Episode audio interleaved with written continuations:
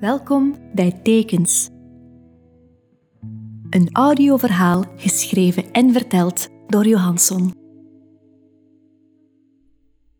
De trein trok een streep door het landschap.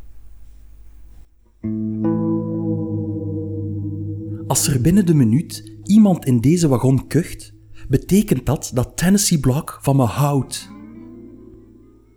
Millie was net 15 geworden en was, zoals iedereen in haar omgeving tegenwoordig kon getuigen, nogal weg van Tennessee Block. Sinds ze hem afgelopen zomer had leren kennen, had ze de wereld bijna uitsluitend gezien als een geheel van tekens die erop wezen dat zij en Tennessee Block al dan niet voorbestemd waren voor elkaar.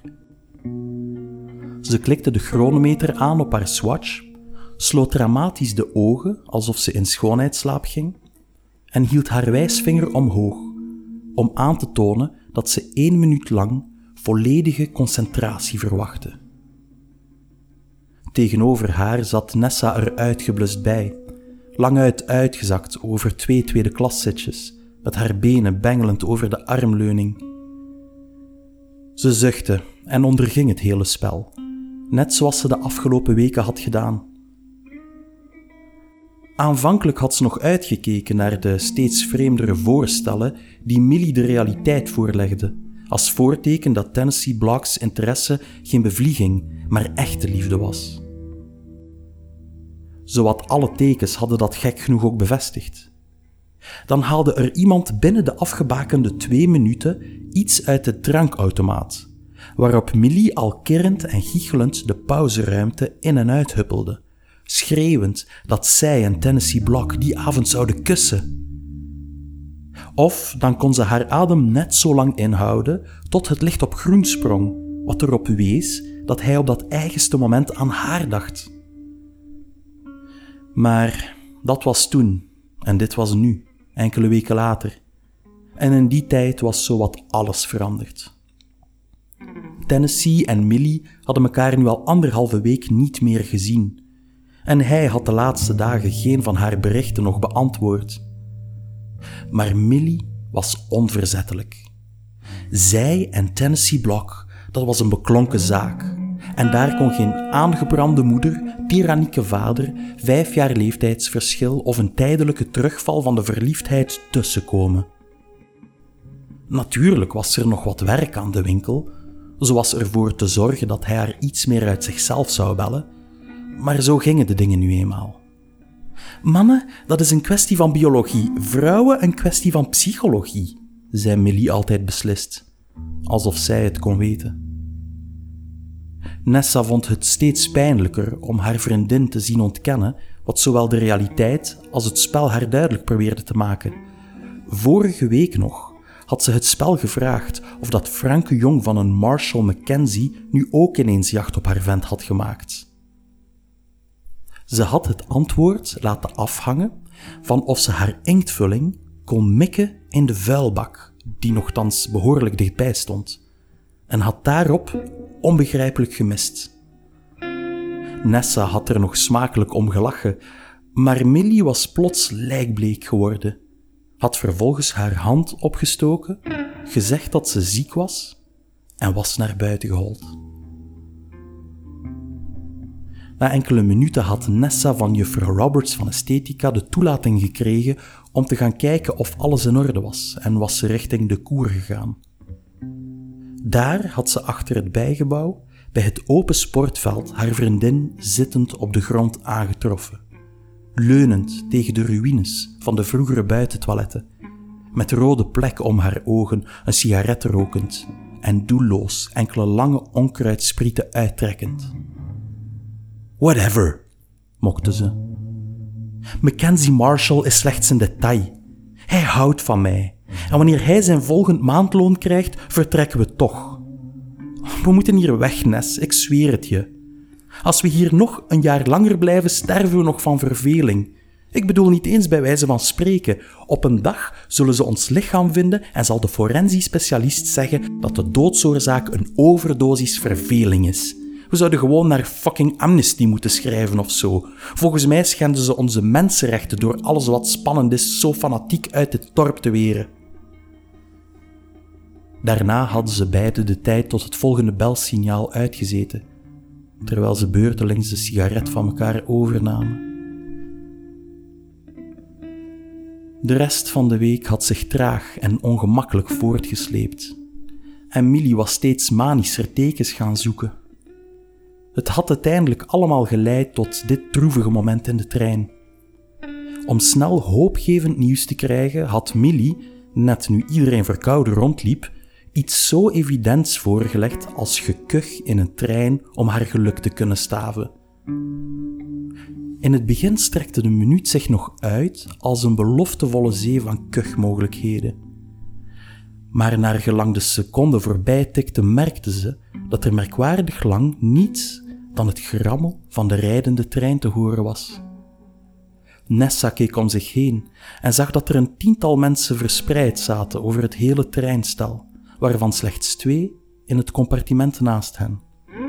Een man van middelbare leeftijd die verdiept was in een werkstuk dat hij leek te verbeteren, en een nerveuze vrouw met warrig krulhaar die op haar telefoon keek en deed alsof ze niet aan het meeluisteren was. Wat is dit in hemelsnaam? siste Millie. Tot net nog kuchte zowat de hele wagon zich een rochelberg bijeen, en nu ineens niets meer? Ze keek Nessa een laatste keer wanhopig aan, alsof er concrete hulp uit haar hoek viel te verwachten. En na een minuut gebeurde wat ze nooit voor mogelijk had gehouden. Vol afgrijzen keek ze toe hoe de secondewijzer over twaalf ging, zonder dat iemand had gekucht. De chronometer piepte twee keer kort. Millie's wereld kromp ineen.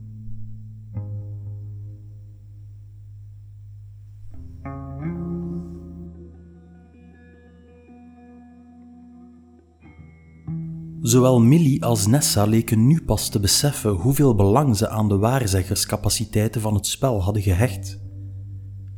Millie wist niet helemaal zeker op wie ze precies kwaad moest zijn: zichzelf, de secondewijzer, het spel of de wagon die zich plots collectief genezen had verklaard van welke vorm van verkoudheid dan ook. Het is maar een stom spel, Millie, troostte Nessa haar tenslotte. Het betekent niets. Millie kreeg een verbeten trek om haar mond. Het betekent alles, gromde ze. Nessa zocht naar iets om daartegen in te brengen, maar ze wist dat Millie gelijk had. Als ze de regels van het spel niet meer zouden volgen, volgens welke regels moesten ze dan leven? Tot wie moesten ze zich dan richten voor de waarheid? Wie of wat in hun leven kwam in aanmerking om die rol over te nemen? Het spel kon hen dan wel een jongen afnemen, als zij daarop het spel zouden opgeven, zouden ze met helemaal niets meer overblijven. Maar toen veranderde Millie's blik ineens. Er schemerde iets vals door. Ze gebaarde Nessa dichter te komen en fluisterde haar toe. Ik weet al wat er gebeurde. Iedereen hier in de wagon hoorde wat ik zei. Dus gingen ze plots op hun kuchgedrag letten. En daarom durfde niemand als eerste te gaan, snap je? Nessa keek om zich heen. Ze zag dat de verbeteraar ineengedoken achter zijn werkstuk zat en ook de nerveuze vrouw met het krulhaar leek geen acht meer te slaan op hun gesprek. En het was daar en toen dat ze besefte dat het tijd was om haar vriendin te verlossen van haar verliefdheid voor Tennessee Block. Ze dacht even na over hoe ze dit het beste zou aanpakken en zei uiteindelijk, zo luchtig mogelijk: William Arlington, is hij niets voor jou? Goed wetende dat hij wat hoog gegrepen was, maar denkend dat de suggestie haar misschien zou oppeuren. Twee uit drie, zei Millie in de plaatskordaat. Als we binnen de minuut koeien zien, dan houdt Tennessee Block van mij. Vanaf. nu! Ze tikte haar chronometer weer aan en vloog naar het raam om te kijken of de lange reeks boerderijvelden van de buitenstad in aantocht waren. Nessa keek verbluft naar het zielige schijnvertoon. Dat is belachelijk, Millie. Je weet dat we net langs de boerderijen passeren. Die velden staan elke dag vol koeien. Je neemt iets wat 100% zeker zal gebeuren en dan hang je er wat hocus pocus aan vast. Zo werkt het spel niet. Millie keek geïrriteerd. Het is mijn spel, dus wat weet jij ervan? Trouwens, misschien zijn alle koeien op vandaag. Op? zei Nessa en haar mondhoek krulde naar omhoog. De koeien zijn op. Ja, antwoordde Millie, van de boer. Misschien zijn ze allemaal verkocht. Net toen hoorden ze het gepiep van de remmen van de trein. De verbeteraar kwam los uit zijn concentratie om te zien wat er gebeurde. De nerveuze vrouw rechtte haar rug en kwam vinnig overeind, wat haar enigszins aan een struisvogel deed denken. De trein minderde eerst vaart en kwam dan, tot Millie's grote ongeloof en ontsteltenis, tot volledige stilstand, op slechts een boogscheut van de bocht die hun zicht op de reeks boerderijen zou bieden. De stem van de conducteur kraakte door de antieke luidsprekers van het treinstal. Dames en heren, aangezien er wat verderop een koe op het spoor gesignaleerd is, moeten wij een onverwachte stop maken. Wij doen er alles aan om het dier van het spoor te halen. Gelieve ons voor deze vertraging te verontschuldigen. Millie werd even stil. Een tweede teleurstelling hing in de lucht. Maar dan barstte ze tot Nessa's verrassing uit in uitbundig en euforisch gelach. No way! Kan je dat geloven? Nessa keek haar wantrouwig aan. Waarom lach je? Waarom lach ik? Waarom denk je? Wat is de kans dat ik mijn lot met Tennessee Block aan de koeien vasthang en er net op dat moment een koe voor de trein springt? Zie je wel? Millie's plotse enthousiasme had de verbeteraars aandacht getrokken en hij leek vrolijk te worden van Millie's lach. Nessa's ergernis groeide, maar ze probeerde koel te blijven. Zie je de koe? vroeg ze ijskoud. Wat? De koe, zie je haar? Nee, natuurlijk niet, die staat op de sporen. Ja, zie je andere koeien? zei Nessa streng. Millie keek uit het raam tot over haar schouder. Nee, zo? En dan snap ik niet waar je je vrolijk om maakt. Je zei dat als we binnen de minuut een koe zouden zien, het iets zou worden tussen jou en Tennessee Block. Maar je hebt geen koe gezien. En de minuut is bijna om. Een ogenblik ging Millie's oog weer over het landschap, dan naar de verbeteraar. Die glimlachte nog even beleefd en ging dan weer over tot zijn eigen zaken. De nerveuze vrouw keek bezorgd uit het raam, alsof ze zich van de hele wagon wilde afwenden. Millie richtte zich weer tot Nessa. Nee, beter nog, beet ze haar toe. Er heeft zich werkelijk een koe voor de trein gegooid. En hoe maakt dat het beter, zei Nessa geërgerd. Je ziet geen koe, dus valt daaruit af te leiden dat het niets wordt tussen jullie. De vrouw schuifelde ongemakkelijk op haar stoel. Jesus Christ, snauwde Millie. Wat heb jij nodig om een teken te zien? Een koe heeft zich uit liefde voor mij en Tennessee Block voor de trein geworpen. Het is gedaan, Millie, zei Nessa kort. Eerst kuchte er niemand en daarna zagen we geen koeien. Het spel is nog nooit fout geweest, dat weet je zelf ook. Je kan niet zomaar het spel opgeven omdat het je niet je zin geeft. Trouwens, als je werkelijk naar een teken zoekt, de kans was nogal groot dat beide zouden gebeuren, aangezien de verkoudheid rondgaat en we net langs de weide zouden gaan waar het elke dag werkelijk vol koeien staat. En het dan springt een koe voor de trein waardoor we er geen zien. En toch ben ik degene die de tekens niet wil zien? Millie luisterde ademloos toe. Dus nu weet je het. Jij en Tennessee Block, dat wordt niets. Het is gedaan. En dat is niet erg, maar het is wel zo. Je zal het een plaats moeten geven. Zo zit het in elkaar. Misschien was het de doodse stilte die op hun woordenwisseling volgde. Misschien was het de nervositeit die het stilstaan in een gesloten rijtuig in een open veld met zich meebracht. Maar dit was het punt waarop de vrouw met het warrige krulhaar zich met het gesprek moeide. Kunnen jullie daar alsjeblieft mee ophouden? Ik bedoel, het maakt me zenuwachtig. Nessa keek haar eerst onbegrijpend aan, maar het viel haar toen op dat de vrouw haar been oncontroleerbaar op en neer wipte. Alles in haar voorkomen maakte duidelijk dat ze zich had geërgerd aan een spel. Alleen leek er vreemd genoeg op dat dat niet was omdat ze het onzin zou vinden, maar net omdat ze erin opging. Zou het kunnen? Dat deze vrouw zich bekommerde om de gevolgen van het spel dat Nessa en Millie met de werkelijkheid speelden? En vreemder nog, geloofde ze dat de werkelijkheid op een of andere manier meespeelde nu ze stilstonden in dit levenloze landschap? Nessa richtte haar blik weer op Millie en zag haar nukkig naar buiten kijken, waar zover haar oog kon reiken geen levend wezen te zien was, laat staan een koe. Millie leek wel een gewond dier en Nessa voelde zich ineens verschrikkelijk. Verschrikkelijk om wat ze gezegd had, verschrikkelijk omdat ze Millie van haar illusies had beroofd. Dit was Millie's hele wereld en ze had hem net verfrommeld en bij het oud papier gegooid. Uiteindelijk zei Millie zelf: Wat dacht je van drie op vijf? Haar stem brak en er klonk een immense triestheid door de barsten heen. Nessa nam het moment gretig aan. Goed dan, Millie. Drie op vijf. De trein kwam met een schok weer tot vooruitgang. Als er water door de beek loopt, houdt hij echt van me. Nessa wachtte even en knikte dan. Het was de perfecte voorwaarde. Het had de afgelopen dagen zoveel geregend dat er al een mirakel moest gebeuren eer de beek droog zou staan. Terwijl de trein zich door het landschap op gang trok en snelheid probeerde te maken, wachten ze beiden in stilte op de passage over het Holloway-viaduct, van waarop ze een mooi zicht op de beek zouden krijgen. Een volle, stromende beek, die Millie weer hoop zou geven en alles weer rustig en normaal zou maken. In stilte keek Millie naar buiten en Nessa naar haar vriendin.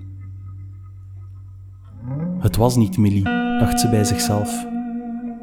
Millie was niet dit gezicht of dit lichaam. Millie was wat ze verzon.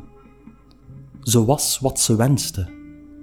Veel meer dan de huid en de poriën die haar aanwezigheid uitmaakten, waren haar bouwstenen alles wat ze ooit had gezegd en had gedaan.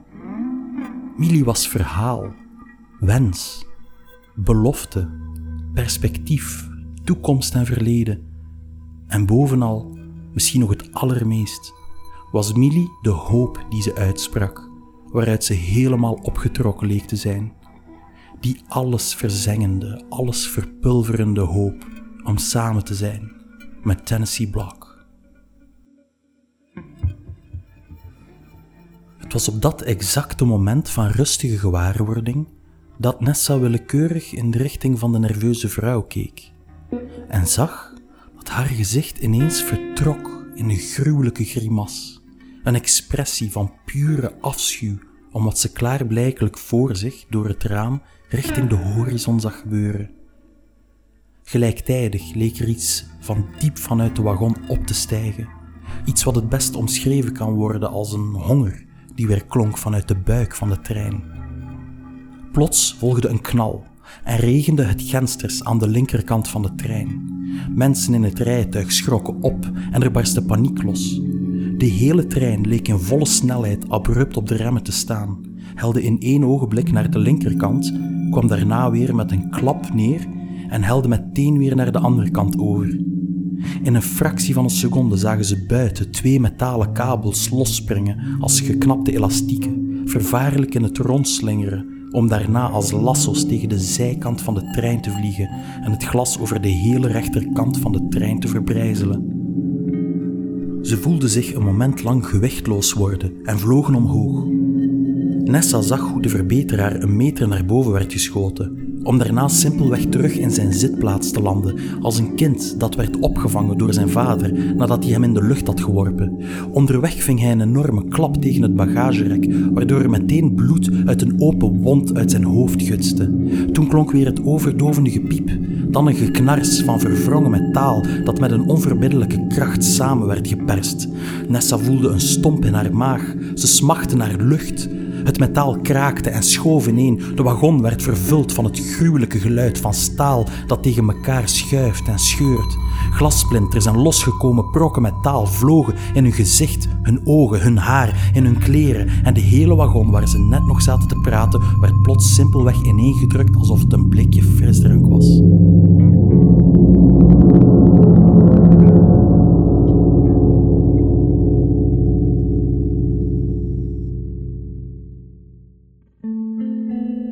Nessa kwam weer bij bewustzijn en probeerde haar blik te focussen.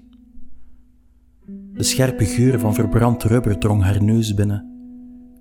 Ze probeerde zicht te krijgen op de situatie en zag na enige moeite dat de wagon waarin ze zat in twee stukken gereten was en het deel waaruit ze hing enkel nog aan het Holloway-viaduct hing via een flart van een metalen constructie en enkele smeulende rubberen kabels.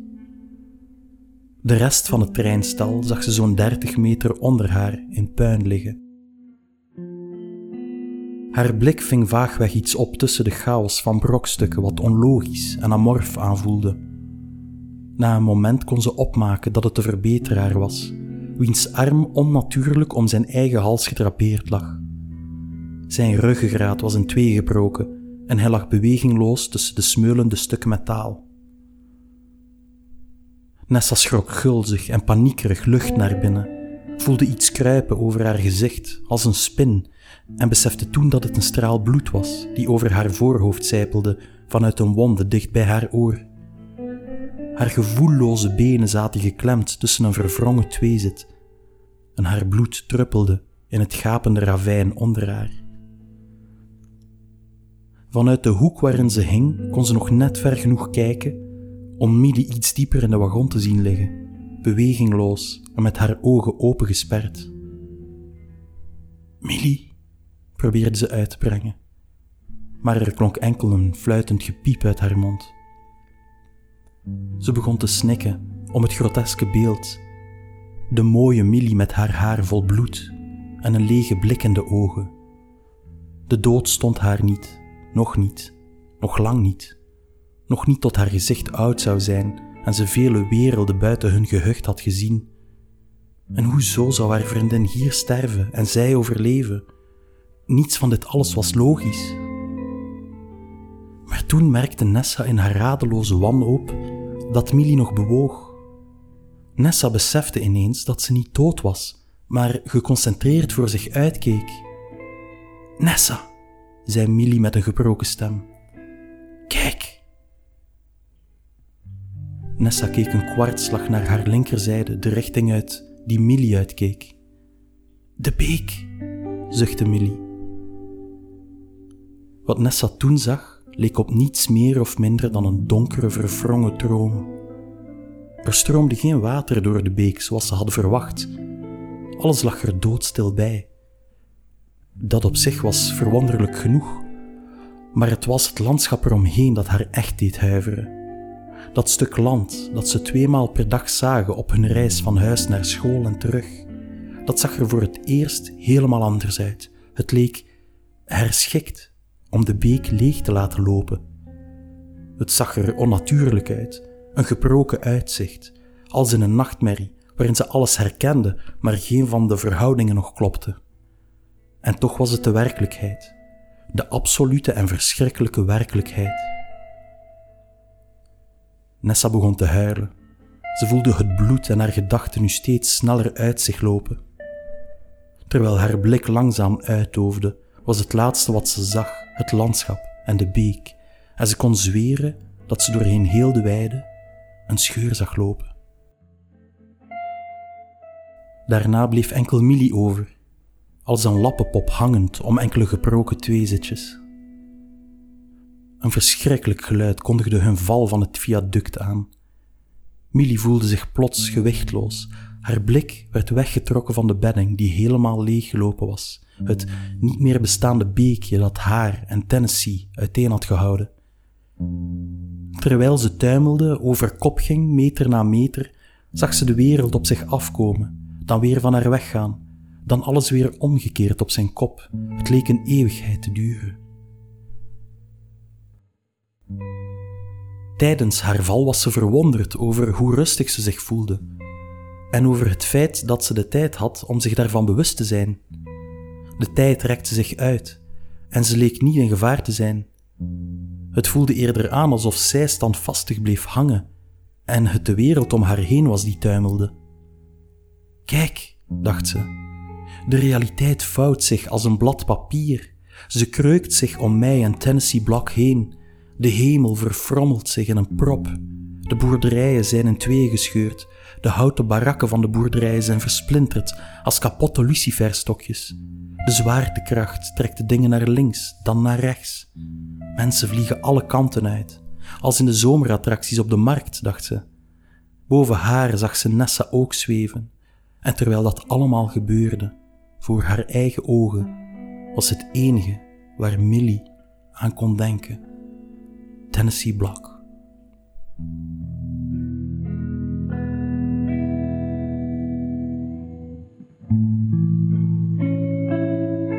Heb je genoten van dit verhaal en wil je meer?